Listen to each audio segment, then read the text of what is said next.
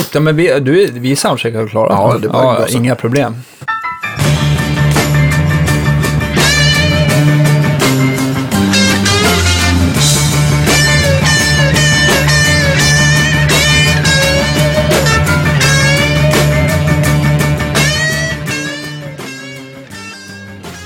Då så mina damer och herrar, välkomna till Guitar Geeks podcast. Idag är det Bass Geeks, för att vi Precis. har inte bara jag och Andreas här, utan en eh, fantastisk basist, nämligen Sörje Benig.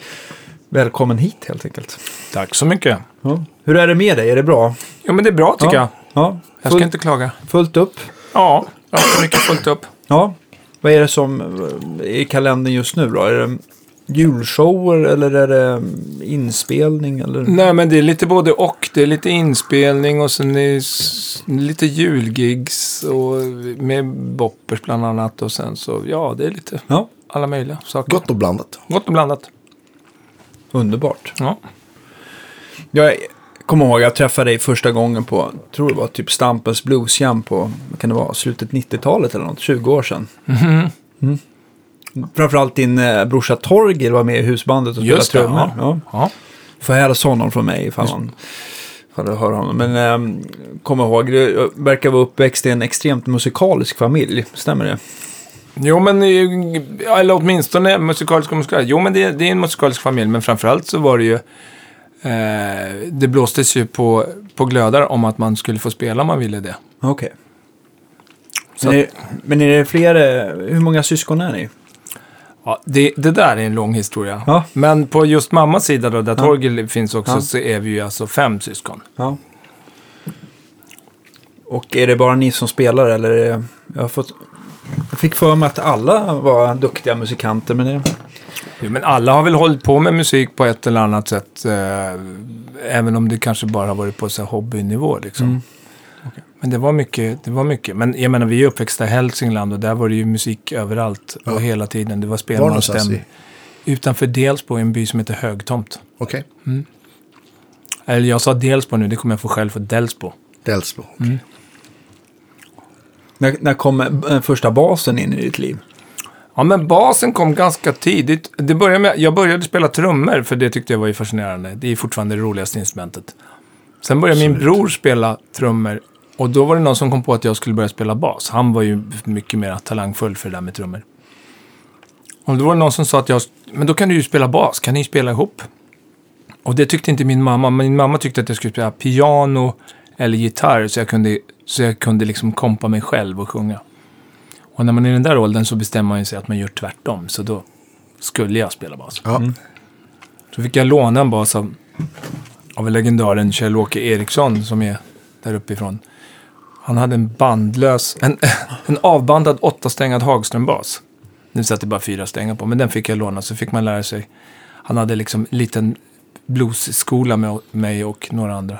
Så det var den första bandlös alltså? Ja, den var bandlös. Det var, bara den, ja, det var den enda som fanns att tillgå liksom. Ja. Det var så här, ja jag har en bas, det är den här. Det var, upp, det var lite uppförsbacke där. Ja, men han, han var väldigt pedagogisk. Så vi fick lära oss, jag vet att jag och så två kompisar, vi fick lära oss att spela Spider and the Fly av, med Rolling Stones skulle vi lära oss. Och då så tyckte han, om ni spelar en Eva, då spelar det bara lös sträng först. Och sen så är det upp och så hade han satt en liten tejpbit, där ska jag trycka.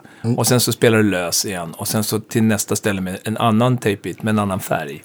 ja, mycket pedagogiskt må jag säga. Så där, det var ju första, första låten. Är det lite så du jobbar, Andreas? Med färgkod och tejp, ja, Ja, precis. ja. Mest för mig själv då. En, två, tre, fyra, fem, röd tejp. Jag har fortfarande färgkod på mina egna basar.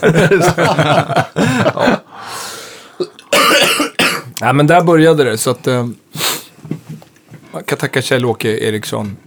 Legendarisk munspelare för övrigt. Okej. Mycket folkmusik och blues. Men, men var det i, i din hemby då? Ja, precis. Det var, Delsbo. Ja, eller Högtomt. Det här är en Högtomt, liten bit utanför Delsbo. Ehm, och där bodde Kjell-Åke också. Vart spelar man då? På hemma hos eller i någon... Ja, hemma hos, han, hos honom så då spelade vi i hans föjs, som det så fint hette. Ja. Han hade ju liksom typ en bondgård, men han hade inga djur, så att han hade gjort i ordning så han hade en replokal och kombinerat med verkstad. Han jobbade ju även på radiobyrån i, inne i Delsbo.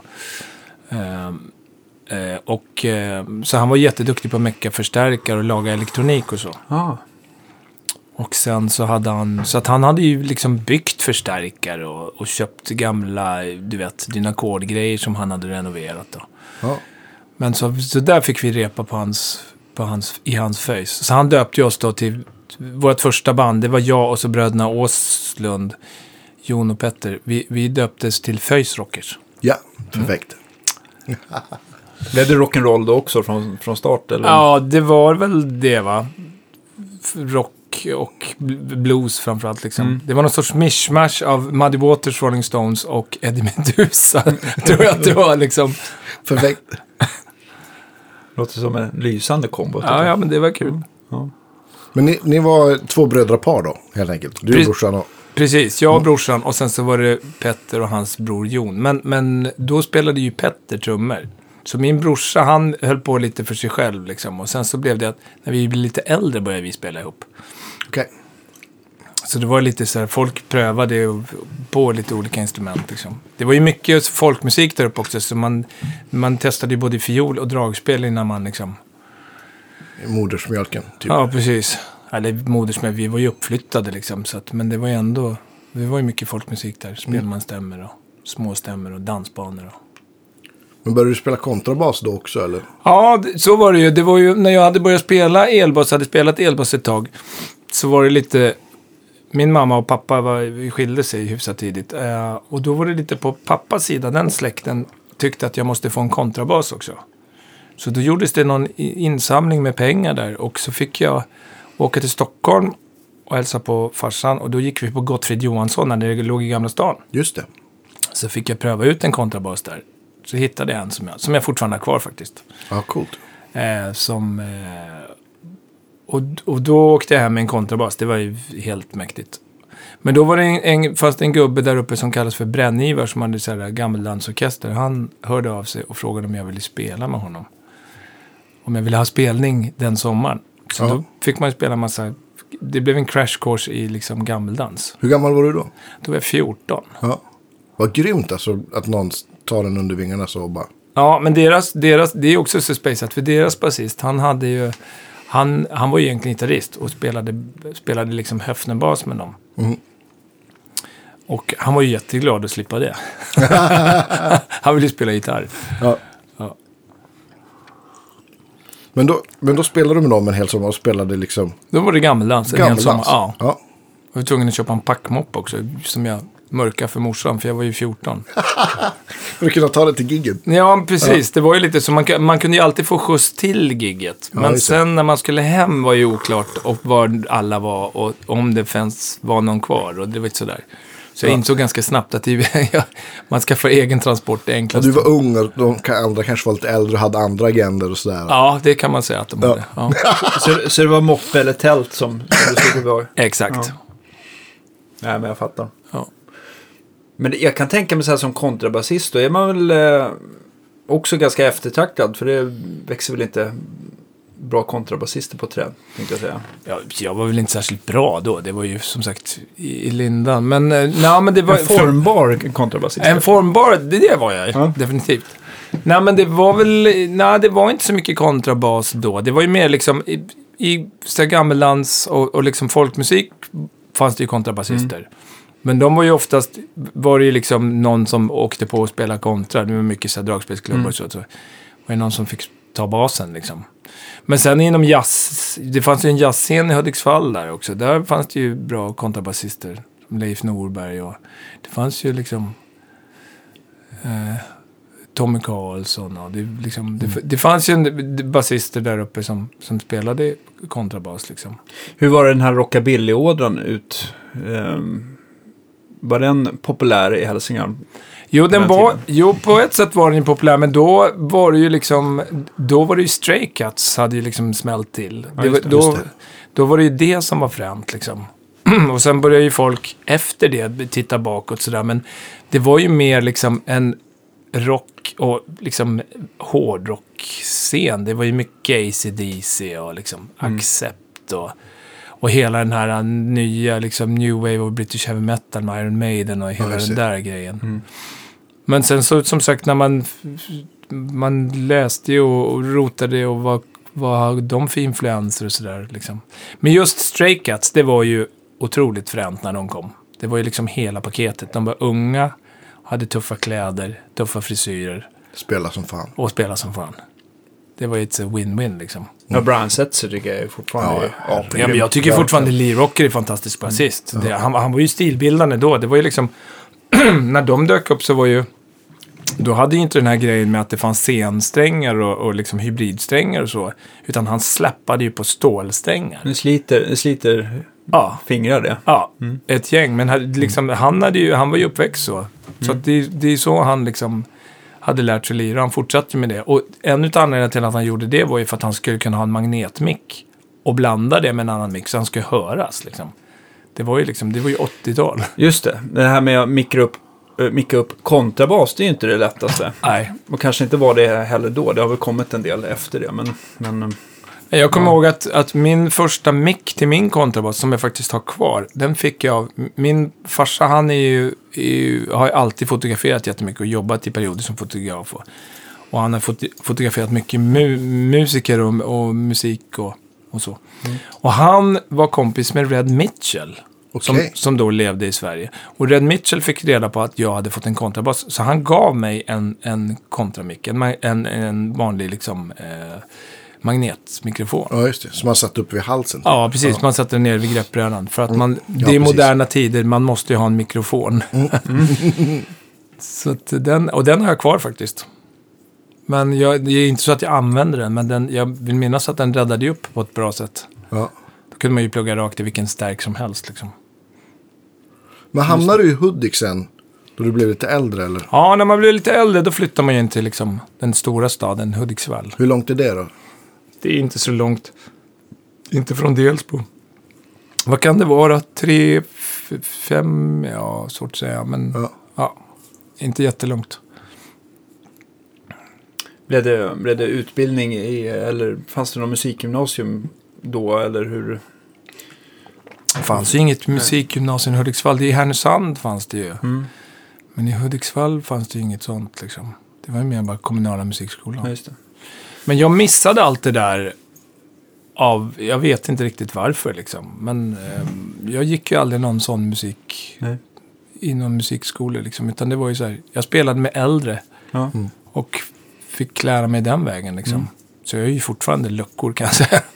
Men eh, det, var ju, det var ju otroligt nyttig skola där. Framförallt så tyckte jag att det var extremt kul att spela olika liksom, saker. Att man fick spela liksom, bluesrock med någon och spela gammeldans och liksom försöka sig på någon sorts stradjazzvärld. För det fanns ju en sån värld också. I och med att man spelade kontra så fick man vara med där. Och...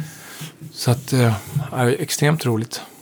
Det är väl otroligt utvecklande. Och, och, alltså spe, skarpt läge att spela. Det finns ju inget som ger så mycket. Nej. Tycker jag. Nej, absolut inte. Det spelar ingen roll hur mycket man pluggar och plankar. Så Nej. när, det väl, när man väl står där och det händer, det är då man märker om det funkar eller inte. Vad, ble, vad blev det för... ehm, du flyttade in till Hudiksvall för att träffa mer likasinnande misstänker jag också. Vad blev det för bandkonstellationer? Ja, men då träffar man ju lite folk. Eh, jag började bland annat började spela med bröderna Karlsson. De, de hade ett det. band som hette Luciana Blues Band. Just det. Eh, och som hade hållit på lite. Och då blev jag lite draftad till dem. Och då var det Janne Karlsson, Pelle Karlsson, Erik Gunnarsson på trummor. Eh, och så var det jag på bas. Och sång. Mm. Eh, och då höll jag på att spela med dem. Och det där bandet så här, utvecklades lite olika. Det, ett tag var vi dubbla trummisar och ett tag var det dubbla keyboardister. Det var lite så allt möjligt. Men det, och i den var det någon sorts plantskola, för det var lite folk som kom och gick där. Och sen utifrån det så, så bildades det andra konstellationer. Liksom. Men var det eget material eller blandat? Eller? Nej, det var ju både och. Ja. Men mest var det liksom Allman Brothers, eh, Ja. lite den typen av blues. Lite. Men det var ju roligt. Ja. Men sen i samma veva i Hudiksvall, det har alltid funnits ett liksom, eh, ganska rikt musikliv i Hudik och ett ganska blandat musikliv. Liksom. Det fanns ju en, så, liksom, en rockscen i Hudiksvall som hörde till, jag vet inte om ni har hört talas om det, men det hade ju släppts en bok och en, och en samling-CD nu från en från en studio som heter Forsa Studio. Nej, jag känner inte. Ja, men i alla fall, där har de, och det var väldigt mycket musik som spelades in i den studion. Nu har det gjorts en samling om det.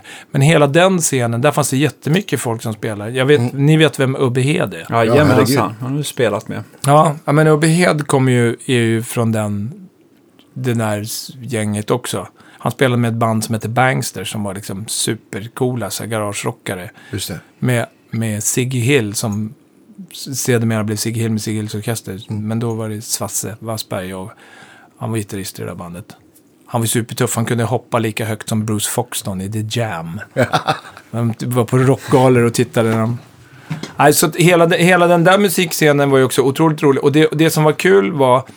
Vad är vi nu? Typ så här, tidigt 80 typ? Ja, eller mitten av 80 Mitten av är vi ju. 80, Men ja. då, de hade ju hållit på lite längre, liksom, för de, Ja. de var, var ju sprungna ur liksom hela punkeran och liksom det Ja, som just det. fortsatte där. Men, men det som var roligt var att, att eh, det var inte liksom så täta skott vad gällde liksom, ja men om du spelar blues så får inte du hänga med oss. Utan det. var ju mer så här, en mischmasch av folk som liksom, och man, man liksom gick och kollade på varandras gig Ja, och liksom sådär, ja. Ja, men så var det lokala rockföreningen i Vindeln. Där, som var liksom... Precis. Där men jag växte tror att det är lite... exakt samma liksom. Ja, men att det är lite sådär, lite, nu är ju inte Hudiksvall Norrland, Norrland, men ändå ett liksom, att man supportar lite liksom. Ja. För ja, äntligen händer det något. Det är kul. Ja. Ja, Men jag tänkte på det du sa förut. Att, vem var jag pratade, jo, men jag pratade med, med Hasse, trummis-Hasse om det. Tror jag vi satt och åkte någon gång. Om det förra, ja när det nu var. Att, ja, men de, var så här, för de första banden man hade så blandade man liksom så här, egna låtar och, och covers. Det känns inte så vanligt i dagsläget. Så här. Nej, ja, men det, det, det var ju jättevanligt. Ja. Och det var nästan, eh, alltså på ett sätt, det berodde lite på vad man fick göra för gigs liksom. Men visste man att man skulle spela på Stadshotellet så var det så här, det var ju dödshot om man inte spelar Creedence. Ja. Eller någon Lynyrd Skynyrd-låt, dödshot är att ta i. Men, men, ja, men det var ju lite så, det var liksom... Ja, här, i alla fall kan, här lynchning. vi stå och vara konstnärliga. Ja. Indraget gage i alla fall. ja, det kunde bli. Det var ingen som dansade, ni fick inte betalt. ja, men det var ju väldigt kul där och just att man helt plötsligt så liksom från en, ett, ett Delsbo med, med ganska mycket folkmusik och, och äldre folk, så helt plötsligt i Hudiksvall så var det liksom jämnåriga och jättemycket folk som höll på och liksom olika konstellationer och, och det är så här, fanns olika replokaler och det var liksom så det var ju fränt. Vad, kommer du ihåg, var det i någon så här regi av något så studieförbund eller något? Eller? Det fanns ju, det fanns ju fritidsgården Väster. Som var ju superfina. De hade ju, de hade ju tre replokaler. Och där fick man turas om. Och då var det så här. De hade en grej där om att de gärna hade äldre band som var där. För de blev liksom som mentorer för de yngre. Och Ja, sen så kunde man... Det var så här, ja men om, om man fick svara på frågor och liksom om utrustning och liksom låna ut grejer och sådär. Så det var ju, det var, de var ju superbra på det. Ja. Verkligen. Eh, och sen så fanns det ju, fanns det ju, SSU var ju, var ju stort där uppe. Och de ordnade jättemycket så här rockgalor liksom. Musikgalor. Och det var ju så här tillfällen att kunna spela också. Och då, där var det mycket band som spelade originalmusik. På de där grejerna liksom. Så det var ju, men sen fanns det ju, ett tag fanns det ju jag tror det var fyra ställen som hade livemusik i Hudiksvall, vilket är helt obegripligt. Och det kom folk. Och det kom folk, och så bero- beroende lite på, och sen blev det ju den här klassikern att då skulle de ha eh, liksom evenemang varje, samma helg. Så då, då Ja. kunde det bli lite knappt. Det var lite för litet för, Ja. för krock. Ja, precis. Men det var ju liksom Högliden, Stadshotellet, Folkets hus. Och sen fanns det en pub som hette Tre Bockar. Och sen sommartid så kunde det finnas flera ställen. Mm. Så liksom, Och hur stort är Hudik? ja hur stort är Hudik? Det är inte jättestort. Mindre än Gävle gissar jag. Ja, mindre- Är det mindre än 60 Gävle. typ? Kanske eller? Ja, Jag tror att det är mindre. jag, kan, jag vågar faktiskt inte, Ja, jag har ingen aning. Jag bara gissar jag vågar inte säga fel. Nej. Minns du vad du spelade på? Där i början? Ja. Ja, men det minns jag. Så det. Förutom den där Hagström-basen som jag fick låna. Sen köpte jag en Fresher jazzbas. Med min pappa. Ja. jag fick åka till Stockholm. Då hade jag sparat pengar, va? då skulle jag få en egen bas. Då åkte jag till Stockholm och så hade jag hittat, med hjälp av farsan, en Fresher jazzbas på någon sorts annons. Och det vet jag och den basen hörde, det var en, nu kommer inte jag ihåg vad hon heter, jag skäms lite grann, men hon spelade bas i ett band som hette Mokaeb Music. Okej. Som gjorde, de gjorde reklam för typ så här Maxell-kassetter eller någonting. Så hon var så här, och då fick hon helt plötsligt råd att köpa en Rickenbacker-bas. Så då sålde hon sin Fresher. Så den köpte jag. Jag kommer ihåg att det fortfarande luktade så här, liksom så här tjej, hår, nej men hårspray eller det var ju någonting, det luktade gott om det där bascaset. Till skillnad från det där som Hagström-basen hade Ja. legat i. Så den hade jag ganska länge. Och sen så hade jag en jättekonstig, någon så här, då, var det, då kunde man ju liksom, man bytte ju och hade, så- då kom jag över någon så Kasuga jazzbas, också så här asiatbygge. Fast med två så här mini-handbackers på. Mm. Som lät väldigt tufft. Den var väldigt tuff. Den var inte så bra, men den var tuff. Men Freshen där, den var, ju, den var ju ganska bra bas. Sen blev det ju, sen kom ju hela den här uh, Squire Give-vågen och då alla de äldre sa så här, "Ja, men du ska inte köpa något så USA Fender, det är inget bra det. Köp en Squire, och det gjorde jag. Så då köpte jag en, köpte jag en Squire Give. Det, I Hudiksvall fanns det ju också två fungerande musikaffärer. Det var musikcentralen med Peter Bergström var ju fantastisk. Där man fick låna och testa saker utan att något var konstigt. Men där köpte jag min första Give Squire. De är ju väldigt omtyckta och bra de Ja, basarna. Ja, Ehm, och gitarrerna också givetvis. absolut. Att, eh, och jag, om man då jämför med samtida Fender så kanske som kunde vara både tunga och lite... Ja, och inte sitta ihop framförallt. För det har man ju märkt när man har fått testa sådana, kan det vara, man var verkligen så här, var det så illa? Och sen så har man ju testat några så här 80-82 USA Fenders och det är ju, jag menar, det, det är ett dåligt Ikea-bord. Dåligt ihopsatt och liksom tunga, precis som du säger. Och konstigt voiceade mickar. Och, Men, men jag tycker, jag vet inte, så här, man har provat gamla baser, man har ju ändå in eh, lite på service här. Och ibland, folk säger att det ska vara, liksom, det ska vara fyrbult och det ska vara cellulosalack och det ska vara tight has, eh, halsinfästning och allting. Och ibland så kan man få någon sån här 70-talsbas, eller slutet 60-tal eller, eller någonting, eller, eller en 70-talsbas som är Eh, och man tycker så här på pappret att allt ska vara fel. Och sen så bara så slår man an någon ton så är det typ världens längsta sustain. Så Ja, det, man har ju blivit eh, positivt överraskad många gånger också. Men, men eh, jag håller med dig, de flesta, eller om man ska generalisera så brukar de ju vara, Ja, men Allt det beror väl på vem som, vem som bestämmer och vad de får för sig att de ska göra och vad någon på någon marknadsavdelning tror säljer. precis. Om man tar en parallell till dagsläget så kan man ju inte säga att Gibson har gjort så mycket nya gitarrer förutom custom shops. Som är har, som har varit jättekul, kan jag känna. Mm. Senaste år. Eller så här, man tänker på Les Paul standard, jag vet inte. Smaken är ju olika som sagt, men Absolut. Jo, men det, dels är det det, smaken är olika. Sen är det lite så att, jag menar, eh, det är lätt att läsa sig till, för det är så väldigt lätt att man gör det, att ja, men de där ska man inte tycka är bra, eller de där är generellt inget bra, så att ja, då struntar man i att testa sådana instrument. Och precis som du säger, då kan man ju springa på en sån. Jag menar, jag har haft 70-talare som har varit fantastiska. Sen har jag lite knas med min rygg, så jag kan inte ha saker som är för tunga, men, men, men alltså, har, har du lagt någon, någon, någon, något gränsvärde vad basen får väga innan? Ja, det har jag väl lite grann. Eller jag vill ha märkt vad jag orkar med, liksom. Om jag ska stå med den en hel kväll, liksom.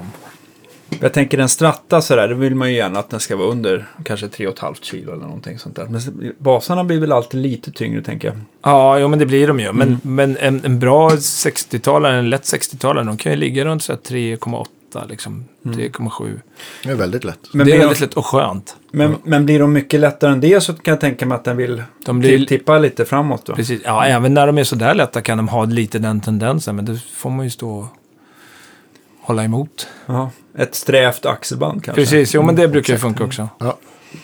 Ja, men det är roligt det där för att det, det går ju lite troll och lite trender i att man är liksom, ett tag så fick man ju bara gilla sådär, liksom pre-CBS. Och det är ju såklart, i, finns ju jättemycket bra där, men det finns ju massa saker som inte är så bra också liksom. Mm. Och, och framförallt nu är det ju så vansinnigt dyrt. Liksom, det är ju, så, jag menar, om man är sådär frilansande musiker, det är ju svårt att motivera att köpa en sån. För då blir det så här, ska man köpa det som en investering liksom. Ja.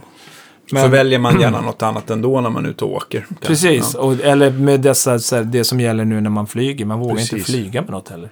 Eh, Skicka en bas för 100 plus tusen som kanske går sönder eller inte Precis. kommer, kommer bort. Kommer bort. om. Men om vi, men om vi liksom ska eh, hårdra det då med, med den bästa basen du har spelat på, eller så här favoriten. Ja. Har du någon sån som det liksom så här, det blir ändå inte bättre än så här. Är det en gammal pre-CBS P-bas eller är det... Ja, men det, ja, det är det ju faktiskt. Så nördigt är det. Jag har, jag har en, eller jag har faktiskt två och båda är super, super bra. Eller det, det är mina favoriter, men, men på två olika sätt liksom.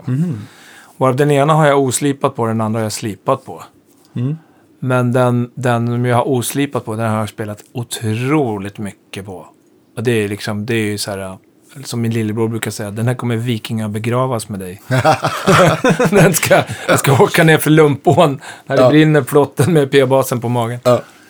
Eh, men, uh, ja, men den är ju fantastisk liksom. Men det är, det är inte säkert att alla andra tycker det, men för mig är den ju helt grym. Man växer ihop med saker som man spelar på mycket också på Ja. något vis. Då blir de liksom på något vis en del av en. Va- vad, är, vad är det mer exakt? Är det en P-bas från Det är en- tidigt 60-tal? Det eller? är en, en 63 P-bas med en fet D-hals.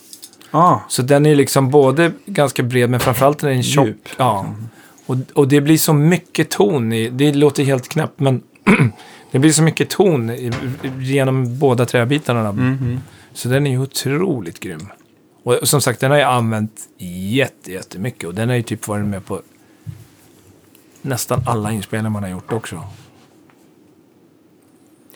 Väljer du den av att, liksom, att du tycker att du spelar bäst på den eller även att den låter bäst i plugget? Ja, det, jag tror att det är en kombo. Det beror ju lite på vad det är jag ska göra också. Okej. Men, men eh, om det är så här, eh, ja men nu ska man täcka upp så mycket det går, då tar jag den. Mm. Och framförallt så tycker jag otroligt mycket om att spela på den. Liksom. Mm. Men sen har det ju blivit det nu, nu är man ju lite nojig liksom. För att den är en gammal bas liksom. Mm. Så man flyger inte mer än och, och sådär. Men, men jag, har en, jag har haft den på turné och liksom. Men det är ju, å andra sidan, det är, ju, det är min bas och eh, den, den ska spelas på. Mm, visst. Har, du- har du behållit den intakt? Eh, or, eh, varenda skruv original eller har du fått byta Nej, upp varenda skruv är nog inte original. Däremot så, men det mesta är original. Det är originalmick och det, det håller enchilada. Det, det som är är att den är ombandad två gånger. Mm. Eh, men det har ju bara blivit bra liksom. Det är väl ofrånkomligt om man spelar mycket. Ja. På något vis. Precis. Och original, när jag köpte den, originalbanden var ju så låga då så att det gick ju inte. Nej. Det var en sitar. Bandlöst nästan. Ja, precis. Ja. men den är fantastisk. Det, det är väl min. Och sen har jag en 65 också som jag köpte av en dragspelare i Hede som, är, som det har suttit slipat på jämt. Den är ju helt original. Den har inte varit ombandad heller liksom. Den är också helt grym. Vil- Vilket år är det där? Eh, för jag tänker så här, för folk som inte har koll på vad, när vi pratar om pre-CBS, det är väl ändå så här typ 64 som, 63-64 där som CBS köper upp Fender va? Precis. Och Ja. 65 så börjar de väl och det serietillverka saker. Men om man har en tidig 65 för de stämplades ju bara när de åkte iväg. Ja. Och har man en tidig 65 Så är det mer än 64 kanske? Ja, framförallt är den ju gjord på gamla delar. De slängde ju inga delar. Nej. Nej. Jag menar, om det låg halsar med clay dots och liksom eh, cellulosalackade kroppar så, så man gör sig inte av med det. Mm. För de är ju de är ju affärsmän. Just det. Så att den här är ju, det här är ju en tidig. Just det, 65 där kom det där skiftet. att, man, att man bytte ut clay dots som är mer som en, jag vet inte, det är som en pasta mer som Ja. man gjorde, som ser lite Som torkar ut. efter och sjunker in lite. Ja. Ser lite konstigt ut, men det... Men man gillar det. Ja, Ja, och sen För bytte de ut det. Det var lite Ja. mer så här plastpärlemo som man bytte ut till Dotsen 65 där någonstans. ja precis. Eh, vad hände mer med basen? Det var precis som gitarrerna att det ska 62 där någonstans så förslutar de med slabboard. Innebär att greppbrädan är tjockast på mitten istället för att den ska liksom följa radien på greppbrädan. Precis. Och folk eh, tycker givetvis att slabboard är bättre men jag är, inte fan alltså.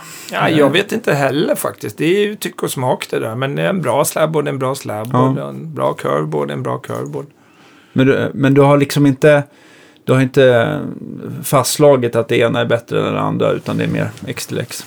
Jag har, om jag säger så här, jag har testat några gamla slabboards som har varit fantastiska.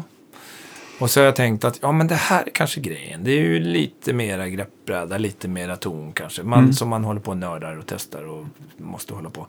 Och sen hade jag en period där jag tänkte att ja, men man kanske inte ska åka med sina 60-talare. Man ska köpa sån där amerikansk custom shop som är så populärt. Och då har jag testat några sådana och blivit lite så här nej, kan jag säga. Och en bas som jag hade, den var ju till och med, jag vet inte, det måste ha varit sånt fredags-ex. Det var för mjuka band och det var ju så mycket knas med den. Fredags-X, det är bra. Måndags-X, men fredags-X, det kanske är ännu Då vill värre. man ju gå hem ju. Ja, Man vill jag- gå jag hem. fattar precis. Ja, jag fattar. ah, Knacka ihop eländet så helgen kan börja. Exakt.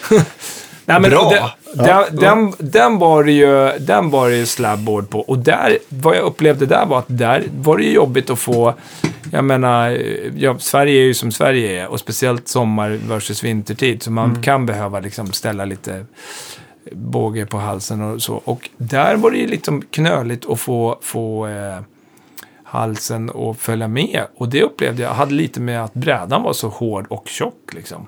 Precis. Ja, just det. Så då blev det liksom, det, det upplevde jag mer som ett problem faktiskt. Hmm, intressant. Ja. Ja. Och den var dessutom, vad heter det, inte flat zone utan det heter quarter zone. va? Quarterson, ja precis. När, hur ska man förklara det då? Om man tänker att man lägger, eh, man skruvar av halsen och så, så lägger Nu man... pratar vi alltså om hur halsen är sågad. Ja, så är ådringen viktiga går. saker. Odringen Ja, precis. Ja, det är mycket vikt. Ja, men, eh, Okej, vi, ska vi säga att man tittar från, eh, från huvudet eh, neråt basen mot Mm. mickarna där så ser man att om man har, om man har huvudet plant då, då så ska ju flat zone, då ska ju liksom ådringen gå som huvudet va? Det ska, de Ja, ska det. ligga ner.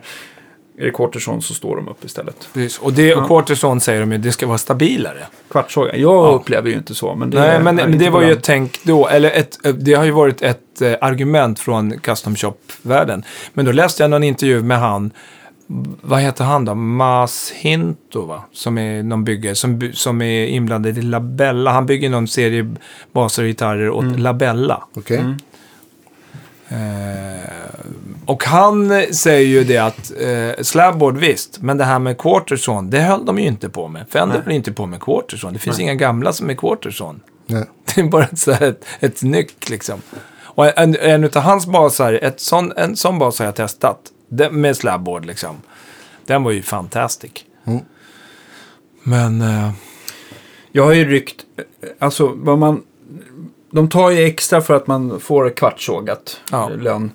Och jag tycker väl att kvartssågat ska det ju vara allting i greppbrädor, eh, eh, mahognyhalsar och sånt där. För det har varit stabilare. Men nu har jag ryckt i så otroligt många custom shops när man jobbar framförallt på deluxe. När de kom nya ur kartong och så fick man liksom känna lite, dra lite i halsen och känna vridstyvhet sådär. just det. Och jag upplever med, eh, alltså i nio fall av tio att de här kvartssågade kändes mjukare när man drog i dem. Ja.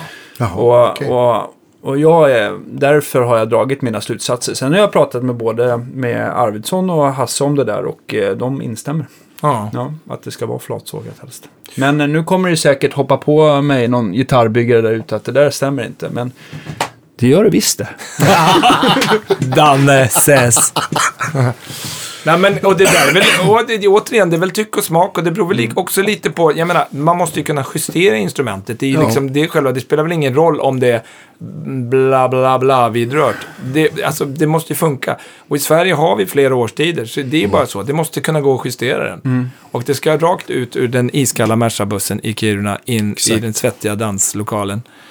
Och då kan det hända grejer. Och går det inte att lösa då, då är man ju rökt. Och ett instrument som trilskas, den hamnar i garderoben och sen byts ut mot en tvättmaskin eller något annat viktigt. Så är det ju liksom.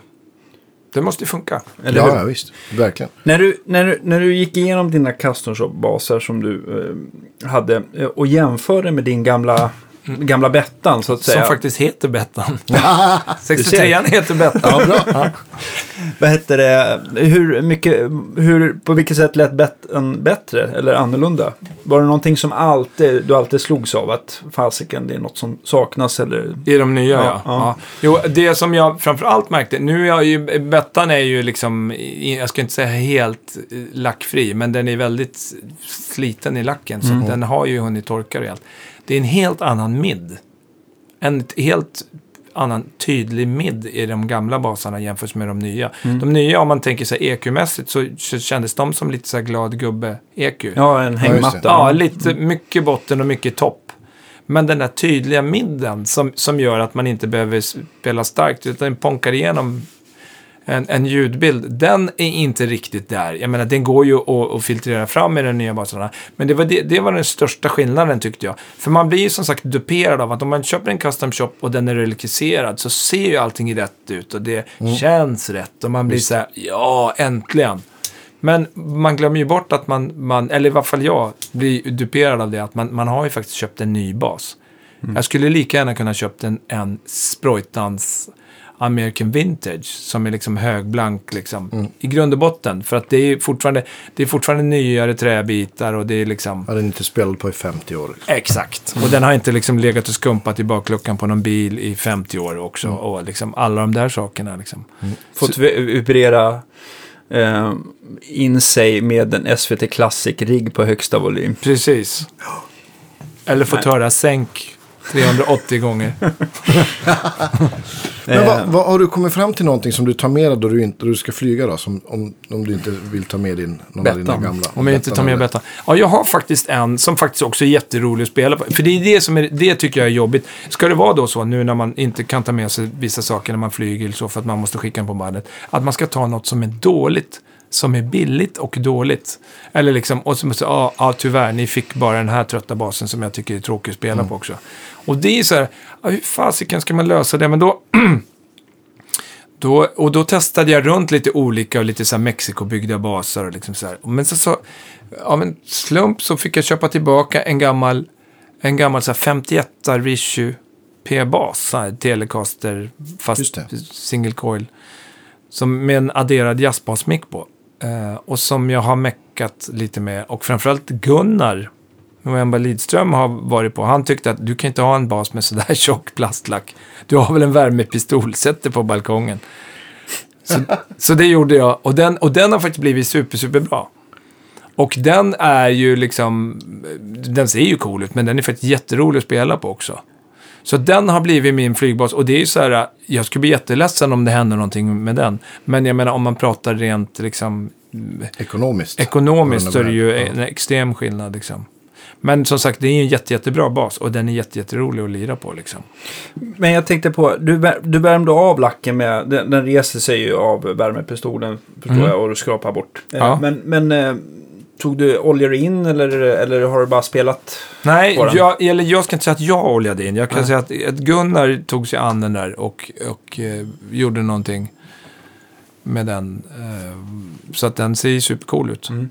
Den ser ju ut som en gammal bas nu. Men han är duktig på relikarbete. Ja. Framförallt han är ju så... Eh, om det är ett Telecaster-huvud så tar han sig an saker. Mm. ja just Det det. här vill vi ju se en bild på såklart. Ja, det går att ordna. Ja, Eh, nej, men och den är, det har blivit liksom, men den skiljer ju sig från mina andra instrument för att det är, jag tror att, ja det är nog den enda jag har som är lönnbräda på. Och vilket från början var ju så här, ja men det låter ju klonkigt och så, men nu när den har meckats och det åkte av lack på kroppen och sådär så har den klivit fram en lite annan värme. Och sen har jag hittat så här favoritsträngar vad gäller slipat. Dunlops, deras flats är helt fantastiska. De är inte riktigt lika plonkiga som Chromes eller? Nej, inte lika hårda som Chromes. De har en lite mera så här, det är en värme som är lite så här labella, fast lite, de har en tydlighet som gör att man kan liksom, man kan använda dem även i sammanhang där man kanske skulle haft en oslipad sträng eller en bas med oslipade Okej. strängar. Så den har ju liksom en, en tydlighet utan den bara blir plonkig liksom. Och den, de, de strängarna på den där basen låter fantastic. Så det, är ju, det här är ju supernördigt. Men, Ja men det bra. är... Jag tror jag har testat alla varianter av slipade strängar. Eh, bara för att, både för att man läser och sen så finns det ju, jag menar, Labella som är så klassisk sträng. Och de gör ju fantastiska strängar, men det var ju inte alltid lätt att hitta dem liksom. Jag vet inte ens om det går att få tag i i Sverige på ett jag enkelt sätt. Det går säkert att beställa från den stora tysken, men Ja, men det, den stora Mm. tysken undviker man. Men däremot, jag tror att om man nu får göra lite reklam här. Mm. Så tror jag att Hasse Adlib har faktiskt tagit in... Eh, ja, men det är klart du får göra reklam för Ja. Hasse. Han är en väldigt trevlig prick. Ja, Hasse är grym. Nej, men eh, han har faktiskt labella-strängar, så det är ett tips faktiskt. Mm. Jag, har en, jag hittade faktiskt strängar där. Eh, jag har en sån sexstängad Fender-bas. Ja, just det. En sån jazzmaster Ja, med precis. Ja. Mm.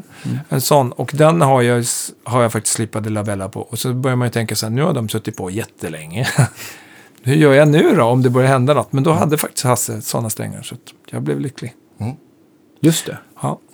Det Ja, men, så det där med strängar är ju special faktiskt. Det är så lätt att tänka att man kan bara använda, men sen är det också, så nördig har jag varit att jag tänker så här att liksom, bara för att det är två P-baser så behöver det inte innebära att de låter bra med samma typ av sträng. Nej, men visst.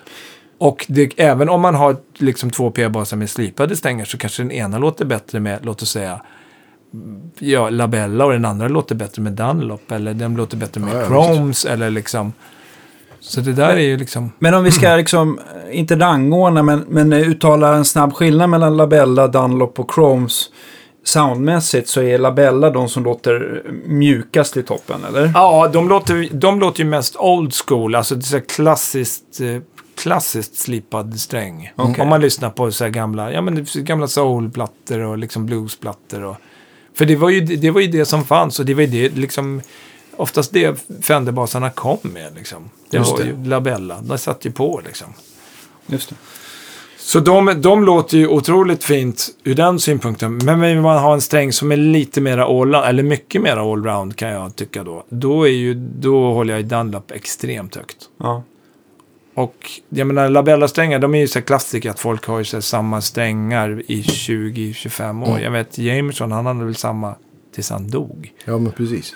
Men, men, eh, men, eh, men de här Dunlop är ju fantastiska också. Jag, har- jag har haft ett set Dunlops på i, jag bytte nu, de har suttit i över två år. Och då har den basen turnerat jättemycket. Nej, hur kom det sig att du ville byta? Är det att intoneringen försvinner eller, eller Nej, blir de för kuddiga? Ja, men de, inte att de blev för kuddiga, men däremot börjar man se att de börjar bli så slitna vid sadeln. Liksom. Stall, vid Ja, stallarna. Så vi ska slå av. Så man börjar tänka så här, nu, det är väl en tidsfråga innan den går. Ja, men det låter bra, jag ett tag till. Då. Ja. Och så, då kommer det ju gå en sträng, så det är lika Men det bra blir inte nött alltså, för, under band, där bandstavarna är liksom. Nej, inte med slipade, det blir Okej. inte nött på det sättet liksom. Det upplever inte jag i alla fall. Nej. Då ska man ju spela väldigt hårt liksom.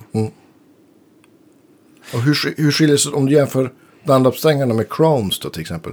Ja, men Chromes tycker jag är lite hårdare. De, de är lite också sådär EQ-mässigt, att de, om man nu ska prata så. Men att det är liksom mycket botten och mycket topp. Okej.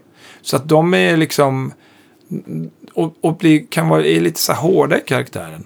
Däremot tycker jag Chromes låter superfint på om man har så konstiga halvvackerbaser. Jag har lite sådana. En Harmony H22 till exempel. Just det. Den har jag Chromes på alltså 50 till 105.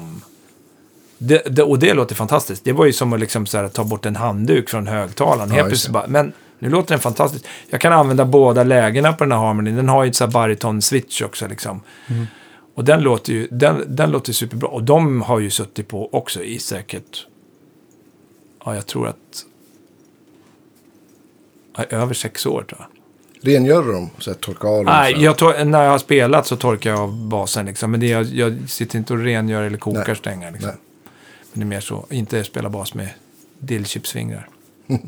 Precis. Ja, men så, och just, just liksom Chromesen tycker jag låter fantastiskt på sådana. Jag har en gammal K-bas också. Den har också så här Chromes. Och de, där, där, där tycker jag de låter bra. Men de där gamla basarna, och speciellt med den där typen av mickar som sitter på. Jag menar Harmonin, det är ju någon sorts Gold Foil, Diarmond, ja, jag vet inte vad, kan vara en gitarrmick som är... Ja.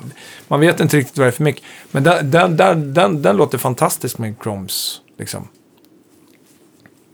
Så om man vill pigga upp någonting då, då alltså diskantmässigt, där Ja. det kan vara lite för kuddigt då. Det är lite, jag tänkte på den här uh, Epiphone, eh, vad heter de?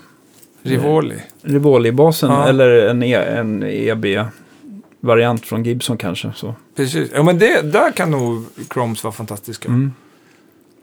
Eller halvslipat är ju så här, just så här handbackebasar kan ju låta väldigt fint med halvslipade strängar. Jag älskar half wounds. Det Ja. tycker jag är fantastiskt. Ja. Det är skitbra. Men de, de, dock är det, är det lite svårt. Det finns väl, vad finns i Sverige som är så här, det är väl Dadario Mm. Och GOS va, som man kan få tag på. Annars är man ju utelämnad till tysken. Ja. Det är nog Gud det enda jag kommer på. Ja. När du just, när, du- när du just tänker på halv, eh, halvslipat. Ja, Då måste jag tänka till. Vilka mer kan ha det? Jag tror Jag inte inte. Ball gör något sånt där. nej, va? jag tror inte Ja. heller det. Eh, nej. Men sen så tänkte jag på, eh, jag tänkte just på när det är så här flatspunnet eller slipat. Jag, jag tänkte på ett sätt som jag inte, som jag vet många gillar, men jag inte riktigt har förstått, det är de här Tomastic. Mm. Att det liksom, de blir nästan, jag vet inte om de är, att de känns så himla mjuka vid samma tjocklek. Eller eh, är det någonting du har ratat också? Eller Nej, lätt bra på, på höftner? Precis, de låter jättebra på eftermål. Sen vet jag att typ så här, en del människor använder dem på ja, så här Fenderbaser och så också. Och tycker de är fantastiska. Där kan jag tycka att de blir lite så för mjuka. Det är lite Just det, det är att, det jag att de rullar lite under fingrarna. Det känns lite så här. Gummisnoddigt. Ja. Nej. Men det är väl också för att man är så van att liksom, det ska svara på... Man är ju ett vanedjur. Det ska, det ska vara så. Är de, är de är det ett annat, eh, alltså gjorda på något annat sätt? Är det annat material? Eller Alltså, spunna på något annat sätt? Eller? Ja, det är väl någon nylonkärna och Ja. en metallkärna som är spunnen runt, va? Är det inte så? Jag vet inte, men du har säkert rätt. Det här ska vi googla på sen. Ja. Mm. när, när det kommer till vanliga mm, eh, roundwound, eller vad man säger. ja. eh, vad är det du favoriserar där då? Ja, men det, jag tror nog jag, det har varit mest Dadario. Dadario och Ernie Ball. Mm. Och sen i perioder så har man ju så här sprungit på och testat lite så här GOS också. GOS kan jag också tycka är bra, liksom, deras boomers. Men där har det varit lite, de byter man ju oftare, liksom, speciellt om man turnerar och är det sommartid så är det, då tar ju stängar slut så här. Så då gäller det ju och då har det blivit så att då har jag liksom försökt hitta stängar som går att få tag på, som är, ja, men som är bra tjocklekar liksom. Vad kör du för tjocklek på? 45-105. Just det. Men sen skulle man ju vilja man ha mera mest. tid att testa liksom. eh, Kanske, men det är ju just det där att om, man inte, om det inte går att hitta butik. Jag vill ju gå till en butik och köpa saker. Jag gillar ju det. Så här, köpa över disk och ställa dumma frågor. Och, Kan ni kanske beställa? Och, Det gillar jag. Men, då- men då, och, och då är det ju så svårt. Och då ska man sitta och beställa. Och då ska man köpa en låda från tysken. Och liksom bara orka. Nej. Då tar man ju det som finns. Liksom. Men jag, jag kan ju uppleva att jag tycker att det, nu kommer jag bli halshuggen för det här, men jag kan uppleva att jag tycker att det är större skillnad och gör mer beroende på instrumentet med vad man har för slipad sträng än vad man har för oslipad sträng. Okej. För att jag menar, oslipade och nickel som jag gillar, nickellindade, de, och i så här 4505, de, de är ju ganska så här lika. Det är inte så att det liksom, den där är mycket bright och den där är mycket mer botten. Det har inte jag upplevt, kan jag Nej. säga. Men bra, jag tycker det är härligt med lite så här myt. ehm, Ja, men visst. Jag gillar också att du, att du har testat. Att du liksom inte var så här, "Nej, men det här är det bästa. Utan att du säger, men det är bra till olika grejer. Ja, För det tycker jag är genomgående med, med ljud överhuvudtaget. Det som är ett, ett dåligt ljud för mig är ju ett, det perfekta ljudet för någon annan. Liksom. precis. Det ju, kan ju vara lätt att glömma när man håller på. Ja, men det är, det är faktiskt tycke och smak. Och sen så är det liksom hur man spelar, vad man har för anslag. Exakt. Och, liksom. och stränghöjd påverkar ju ganska mycket också. Liksom. Så där är ju... Har du ratat eh, det som är kringliggande? Alltså jag tänkte på pure nickelsträngar eller stainless steel. Stainless steel har jag testat. Det tyckte jag blev för hårt. Att det, liksom, att det blir liksom för klonkigt liksom.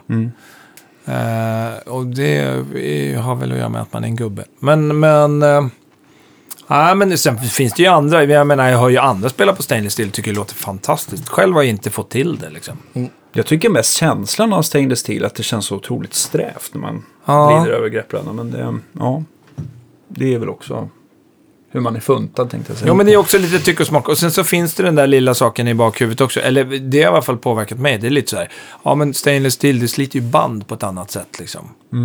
Och det kan ju också vara så här. Har man en vintagebas då som man kanske inte vill banda om hela tiden. Då kanske man inte vill ha stainless steel.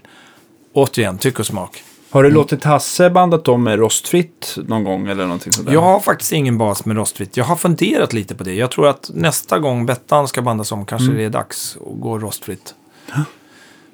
Ja, men eh, jag har testat några basar som är ombandat med rostfritt. Det är ju, det är ju fränt.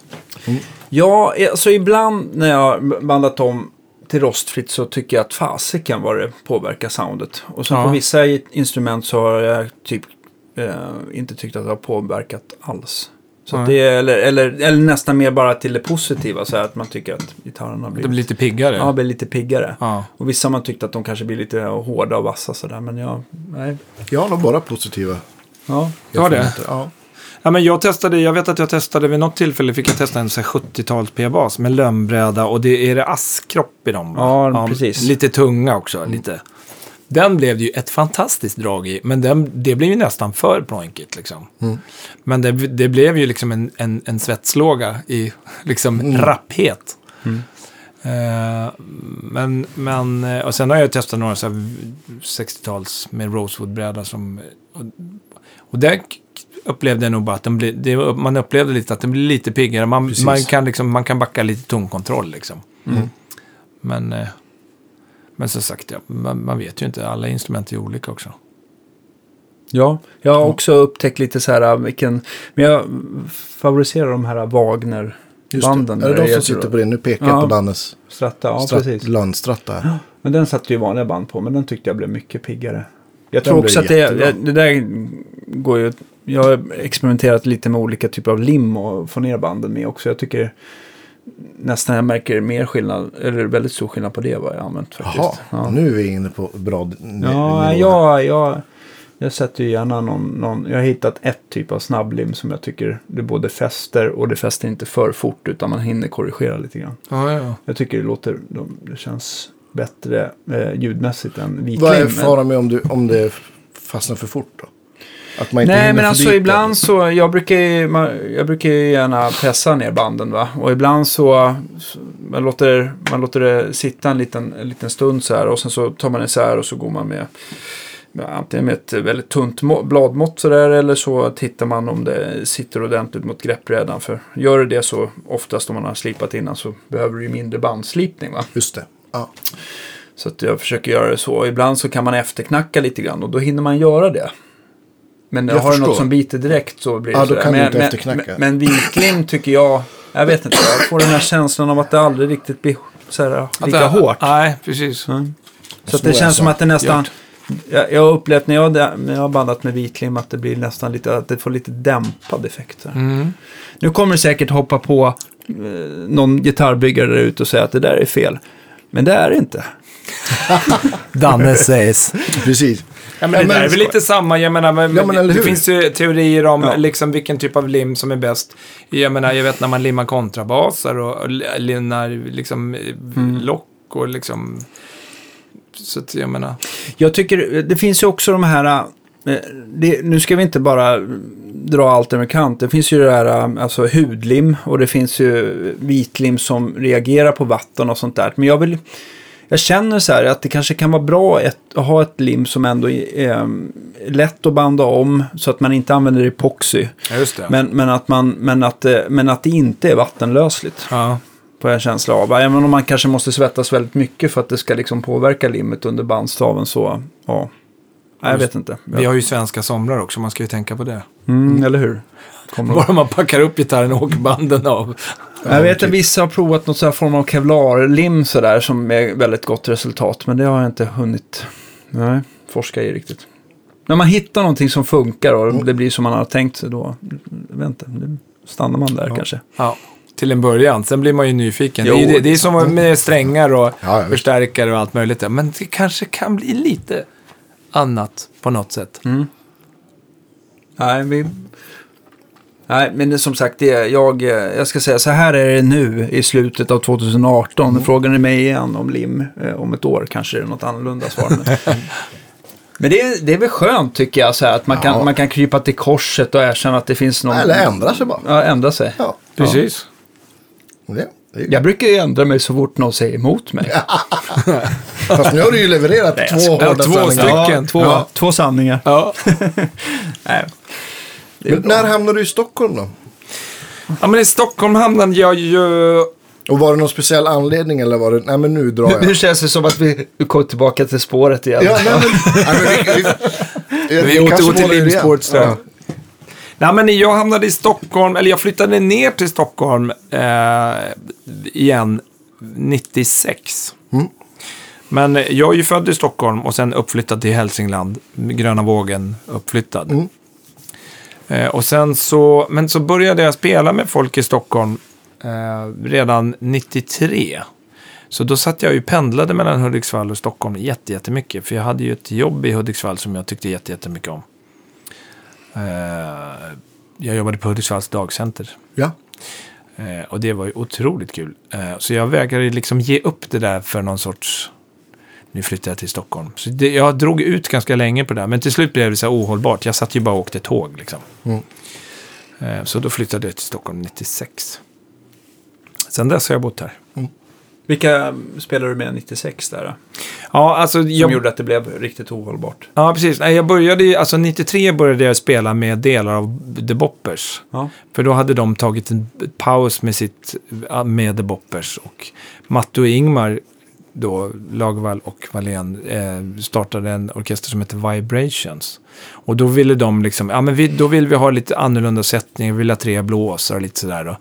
Och då ville de ha tips på basister och via Kaj Söderström och Peder Sundahl så fick de något tips om mig. För att de ville ha en basist som kunde sjunga också. Mm.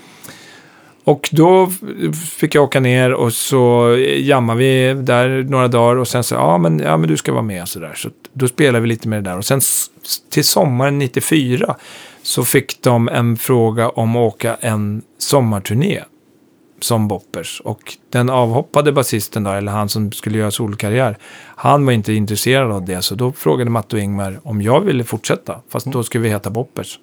Och på den vägen är det. Så att, och det rullade på liksom. Och jag spelar ju fortfarande med dem. Mm. Ehm, Vad så, coolt. Ja. Ja. Nej, men så, det ju, så det rullade på. Så det gjorde ju att då 96, då kände jag att nej, men det här går ju inte. Jag sitter ju bara och åker tåg liksom. Och har dåligt samvete för att jag är trött på jobbet. Ja. Alltså inte trött på jobbet, utan jag satt och halvsov på jobbet. Ja. Så att, ehm, så på den vägen är det. Så då hamnade jag här. Vad, vad blev det mer sen? För jag, jag tänker så här, Boppers har väl... Eh, eh, ja, det var rätt mycket gigs per år. Men var det bara det eller kunde du hoppa in? Nej, men då, då när man väl hamnade i Stockholm, det blir ju så, då så utvidgas kontaktnätet och man får förfrågor om och, och, och jaha, och du, du kanske kan tänka mig. Så då hamnade jag i lite alla möjliga olika sammanhang. Eh, jag, bland annat så spelade jag med, började jag spela med en kille som hette Per Liljefors som hade ett band som hette då Partykompaniet som var så här, ett coverband som bara spelade gubbrock. Mm. Det var kanon. Vi spelade bara Fabulous Thunderbirds och annat kul. Ja. Fast vi hette Partykompaniet så vi kunde ta en massa företagsgig. Ja, perfekt. Eh, och bland annat så spelade jag massa med dem. Sen så spelade jag med Kingen Karl som bodde ju nere i Stockholm. Så jag spelade med han. Pianisten, ja. Ja. precis. Mm. Så han spelade med tillsammans med Staffan Westfeldt och eh, Micke Ajax. Vi var ju Kingens band där under en period. Och sen började jag spela med Patrik Isaksson. Mm. Och då var han, det då? Sent 90 eller? när- Det var då han slog igenom? Ja, typ, eller? precis. Så att första turnén han gjorde där, då var jag med. Eh, och det var jättekul. Då hamnar man ju liksom i... liksom från den här roots-rockvärlden på något sätt hamnar man i liksom en, en mer popvärld liksom. Mm. Och sen så liksom det ena ger det andra och man lär känna nya människor och liksom hamnar i olika sammanhang liksom. Frilansat runt. När, hur, när blev det Lundell för dig? Lundell blev, jag gjorde mitt första Lundell, då vickade jag för Jerker Odenholm eh, 2000. För då, skulle det, då hade han gjort en platta som hette I, ett, i Vinterland, heter den. Eh, och då skulle det göras promotion för den plattan. Och då var Jerker ute med någonting annat. Så då fick jag hoppa in där. Och så gjorde vi lite tv i Norge och i Sverige och lite sånt där. Mm. Det var superkul. Och sen så eh, kom jag med igen 2000. Ah, nu kommer jag inte ihåg.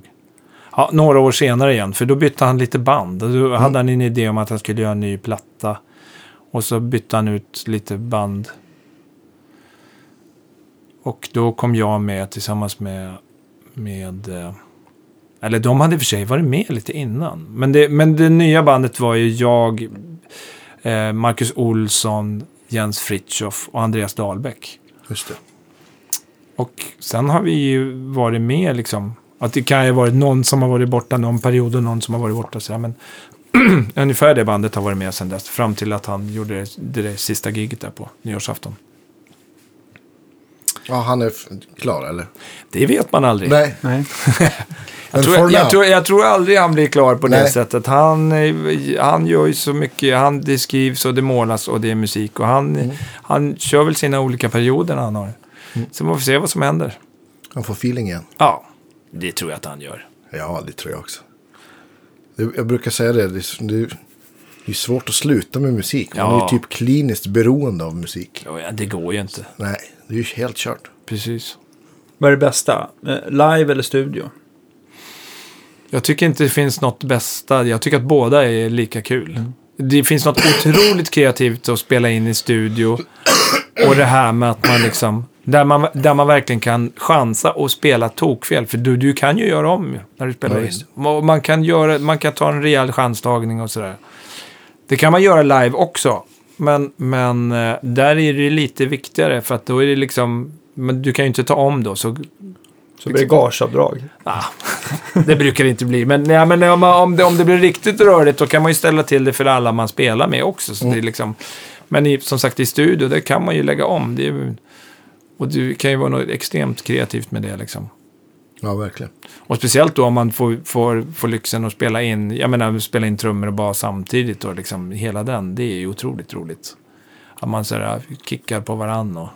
Ja, det är ju det bästa sättet Ja. att spela in. Precis. tycker Eller man kan vara ett bra. helt band också. Det är ju ännu roligare liksom. Absolut. Eh, Förlåt att jag inte släpper det här, men, men eh, finns det inte någon gammal skröna med, med typ James Brown som, som, som höjde sina fem fingrar när basisten gjorde ett lick för mycket sådär Mm. så att det blev avdrag? Ja, men jag tror att James Brown, han hade till och med nå- han hade något sorts bötesystem. Ja, exakt. Han hade Ja. ett bättre system. Som utgick från att man kunde allt från avdrag på gaget till att man fick rumsarrest på turnén. Det vill säga man fick inte, man fick inte, no fun, nu har du spelat för många fel. Nu vet jag inte om det var så där extremt, men det, är- det är någon skröna jag har läst någonstans.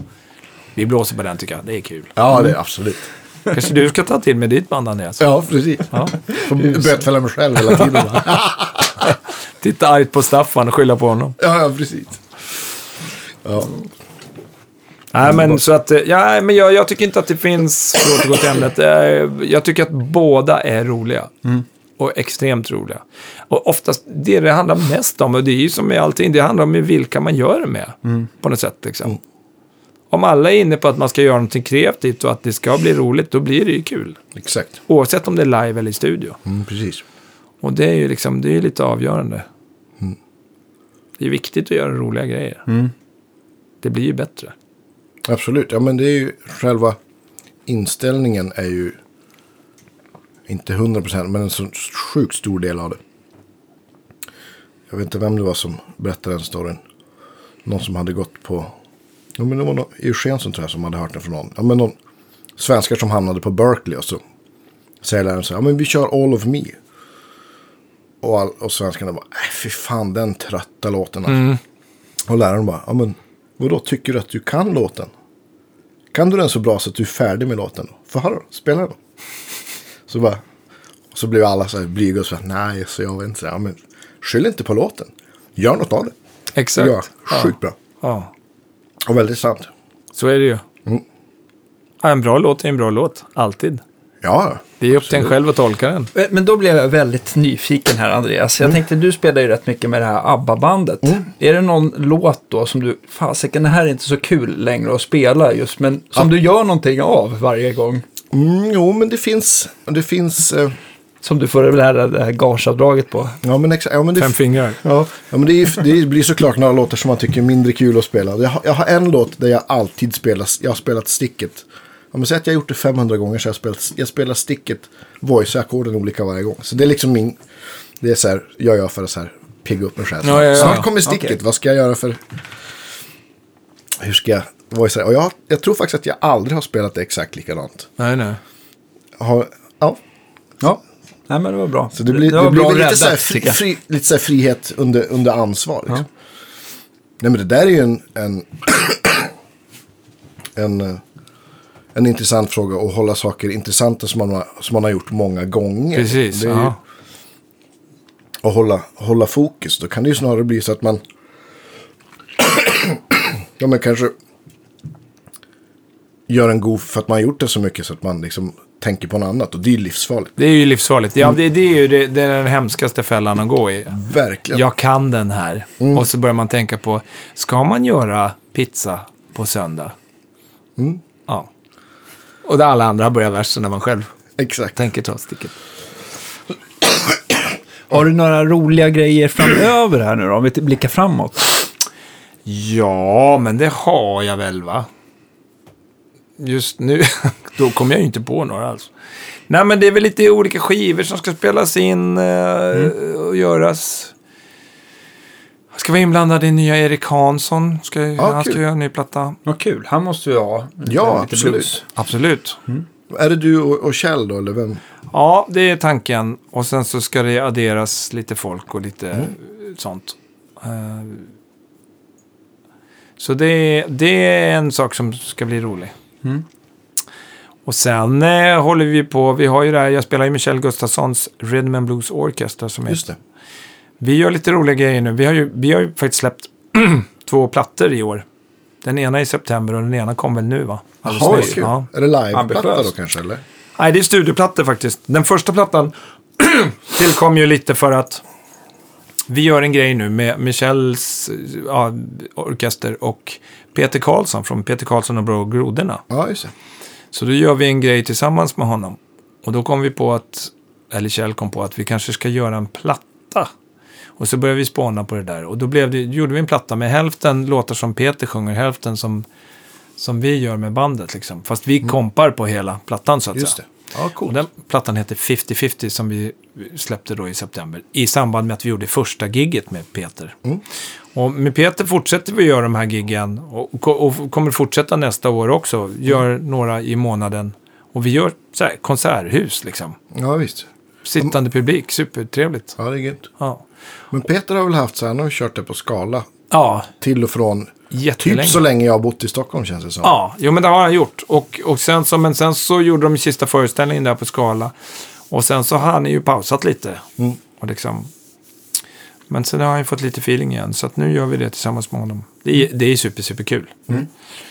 Och sen så den nya eh, Kjell Gustafsson-plattan som släpptes nu, där, Down at the Saloon heter den. Den eh, i, spelades in här under hösten också. Och är väl, kan man säga, tioårsjubileumsplatta för den där orkestern. Mm. Kjell var ju lite rolig där. I tider där alla drog ner på storlek på banden och så, så tyckte han att jag var frilans så länge. upp. Ja, men jag ska starta mitt eget band och då ska det vara extra allt. Ja. Det var ju så här två gitarrister, dubbla keyboardister, blås, Ja. sångare. Så att det var ju... Och sen har han hållit i det liksom. ja, hats off. Ja, faktiskt. Det tycker jag också. Och sen är det ju super, super kul att jobba med, med en, i en genre som ändå är som den är. Och att han, det är bara originalmusik. Han gör ju bara, han skriver det mesta själv. Vad har han influerats mest av? För jag tänker Rhythm and Blues kan ju vara ganska brett. Ja, ja men det är, det är lite roligt om man, om man går tillbaka och lyssnar på de plattorna vi har gjort med honom. Så är det, hör man ju lite olika influenser hela vägen. Och den sista, den he, heter ju Down at the Saloon. Då har vi, det har ju sneglats lite på Mexiko och lite på mm, kanske lite Mavericks. Mer den liksom typen av rootsmusik liksom. En, en, en lördagkväll i Austin kanske man kan säga. Bra. M- mer så än att det är traditionell blues, blues liksom. Men det finns ju alltid där som en form av botten liksom. Men i och med att det här bandet är som det är, vi har ju Anders Larsson med också som är, både spelar piano och orgel, men är ju en fantastisk dragspelare också. Så det har man ju också tagit, tagit vara på liksom. Så att, eh, nej det är kul. Mm. Originalmusik är ju fantastiskt roligt. Ja, det är ju det. Det går inte. Det går inte att komma ifrån. Det är fortfarande den största kicken, Mm. tycker jag. Ja, jag håller med. 100 procent. Och jag tycker jag högaktar alla de som gör det. Gör liksom orkar stånga sig blodiga där för att få göra sina egna plattor och försöka fiska gig på sina, med sin egen musik liksom. Det är så coolt. Heja dem. Bra Absolut. sagt. Ja, verkligen. Om man, om man, eh, för sig det är en ganska tråkig fråga för jag vet ju svaret på den redan. Men jag tänkte på den sista bas, bas, eh, basen eller bassaken du kommer sälja så är, är det väl Bettan förstår jag. Ja, det är Men, nog... men då, då, då kanske vi kan fråga vilken är den sista basstärkan du kommer sälja? Åh, Ja, Ja, det är lite jobb. Ja, det, det var en bra fråga. Det, det där är svårt alltså. Jag har varit lite så här osentimental vad gäller förstärkare. För jag har tänkt att det är så här. mm, Jag har haft lite så här flip-top förstärkare, så Ampeg B15 och så.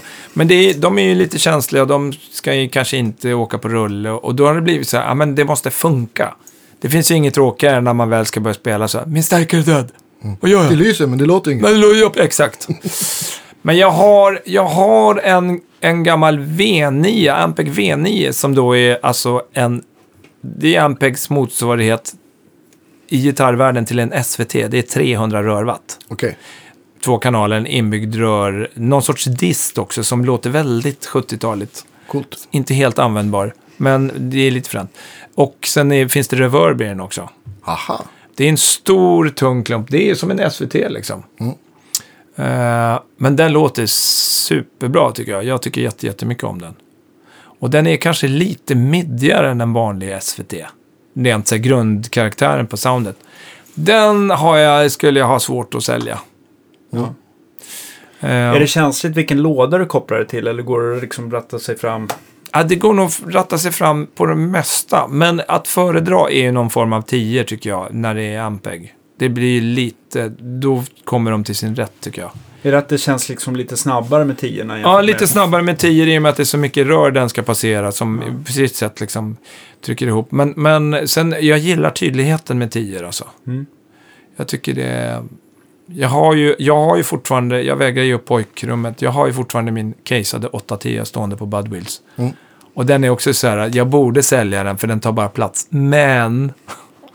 Det Den är ju- kul då den står där. Ja, och När det det, väl är på plats. ja, och jag kanske får använda den någon gång igen. Annars brukar jag mest låna ut den till kompisar som behöver den. Så behöver bli lite starkare. Precis, eller som har folk som bär. Eh, Får ringa Uffe. Uffe, ska vi inte ut och spela lite Ja, precis. igen? Jag måste- jag behöver rasta åtta Jag måste rasta åt det. Ja, men sen har jag, har jag två 410 också som jag använder jätte- jättemycket. Som också är som känns superbra. Som är gamla Marshall. Ja. Den här Dynamic-serien som de gjorde under en period. Som de la ner Just sen. det, just det. Vilket var dumt av dem, för det var bra. Just det, men den toppen de hade till den, det var väl typ någon 200 watts transistor hybrid Hybrid, precis. Ja. De var ju inte, topparna var inte superroliga, men lådorna var ju grymma. Okej. Eh, och de, och den, jag tror att den, jag har två sådana lådor. Den ena lådan, den tror jag att jag köpte typ 94 kanske. Den har varit med sedan dess liksom. Superbra. Men sen har jag också, jag har också en eh, eh, som är, har faktiskt blivit en favorit. Eh, en sån Aguilar Tonehammer Just det. med en sån lättvikts 112 och nu låter det som jag gör reklam, men det är av, av de här lättviktsgrejerna, och där har man varit likadan nördig, bara för att det här är, jag har inte körkort och bor i Stockholm. Det här är genialt. Det här kommer i så här lättviktsgrejer. Man kan åka buss, man kan åka tunnelbana. Man måste inte ha en pirra, man måste inte ha ont i ryggen. Så här. Ja, men det här är ju lösningen. Så då, när det börjar komma de där äh, klass D-stärkarna så testade jag allting som kom stackars Peter fick ta hem allting liksom, på deluxe där, bara för att jag skulle kunna pröva.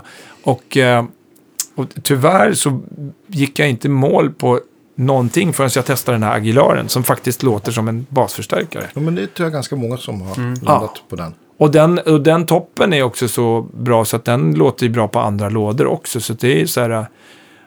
Och det är så här, ja visst, det är inte en Ampeg eller det är inte en Simswats där man hör att det rör och man får det där rör, svarar. Men den låter så pass bra att liksom jag kan leva med den liksom.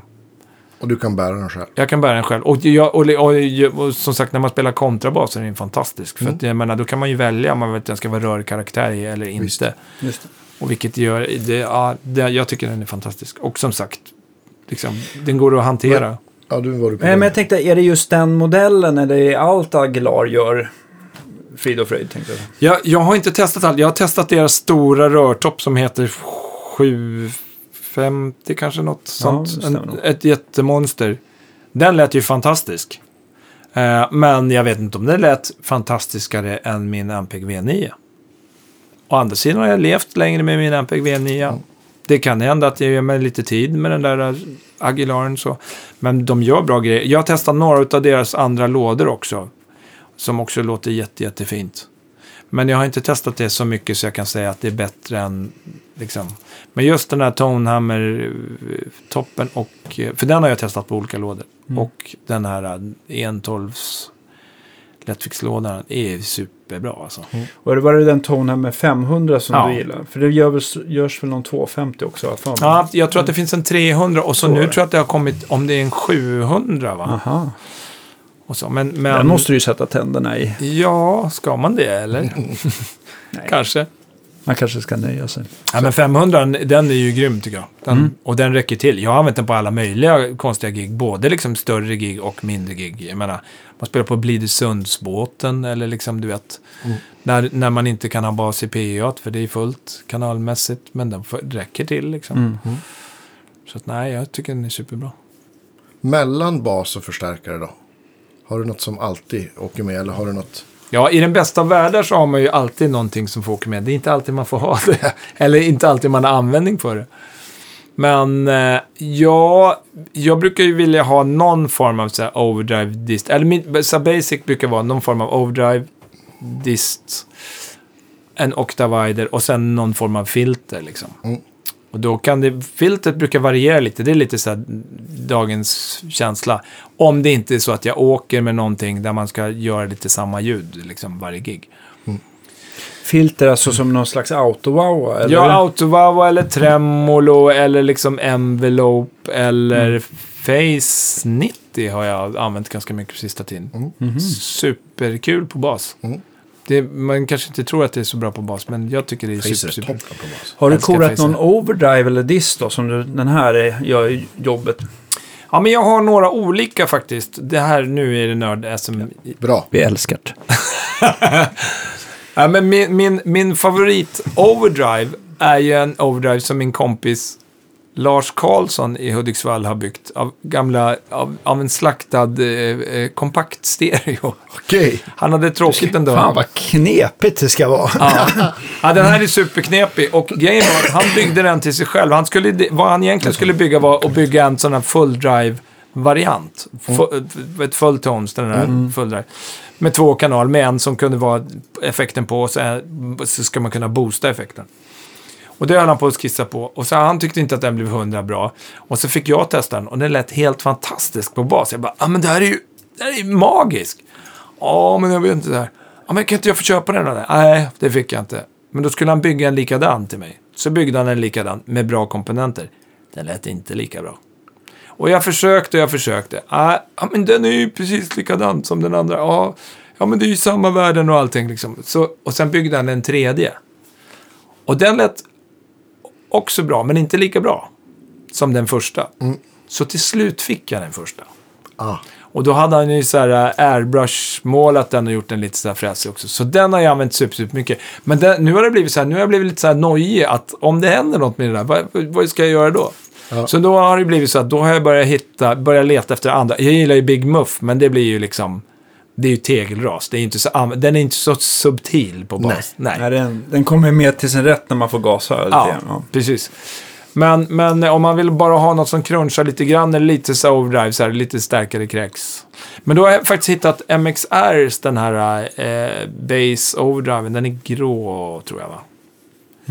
Ja.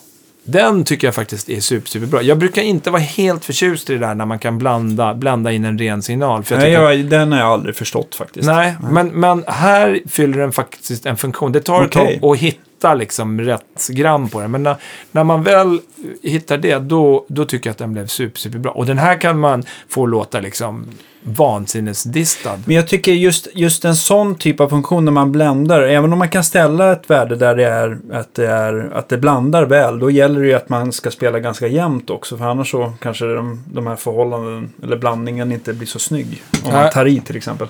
Ja, precis. Eller- Ja, men jag, jag tycker att fördelen med BMXR är att när man, kan, när man bländar in den rena signalen är att man kan bibehålla botten på ett annat sätt. Ah. Annars så blir det lätt att man ska liksom, att man skär på tonkontrollen, för det finns ju alltid en ton på den där. Och skär du tonkontrollen, då blir det bara luddigt.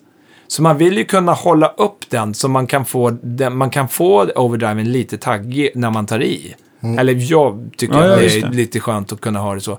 Och sen är det också så att, att eh, alla sådana här overdrives låter ju inte bra till exempel om man har slipade strängar. Aha.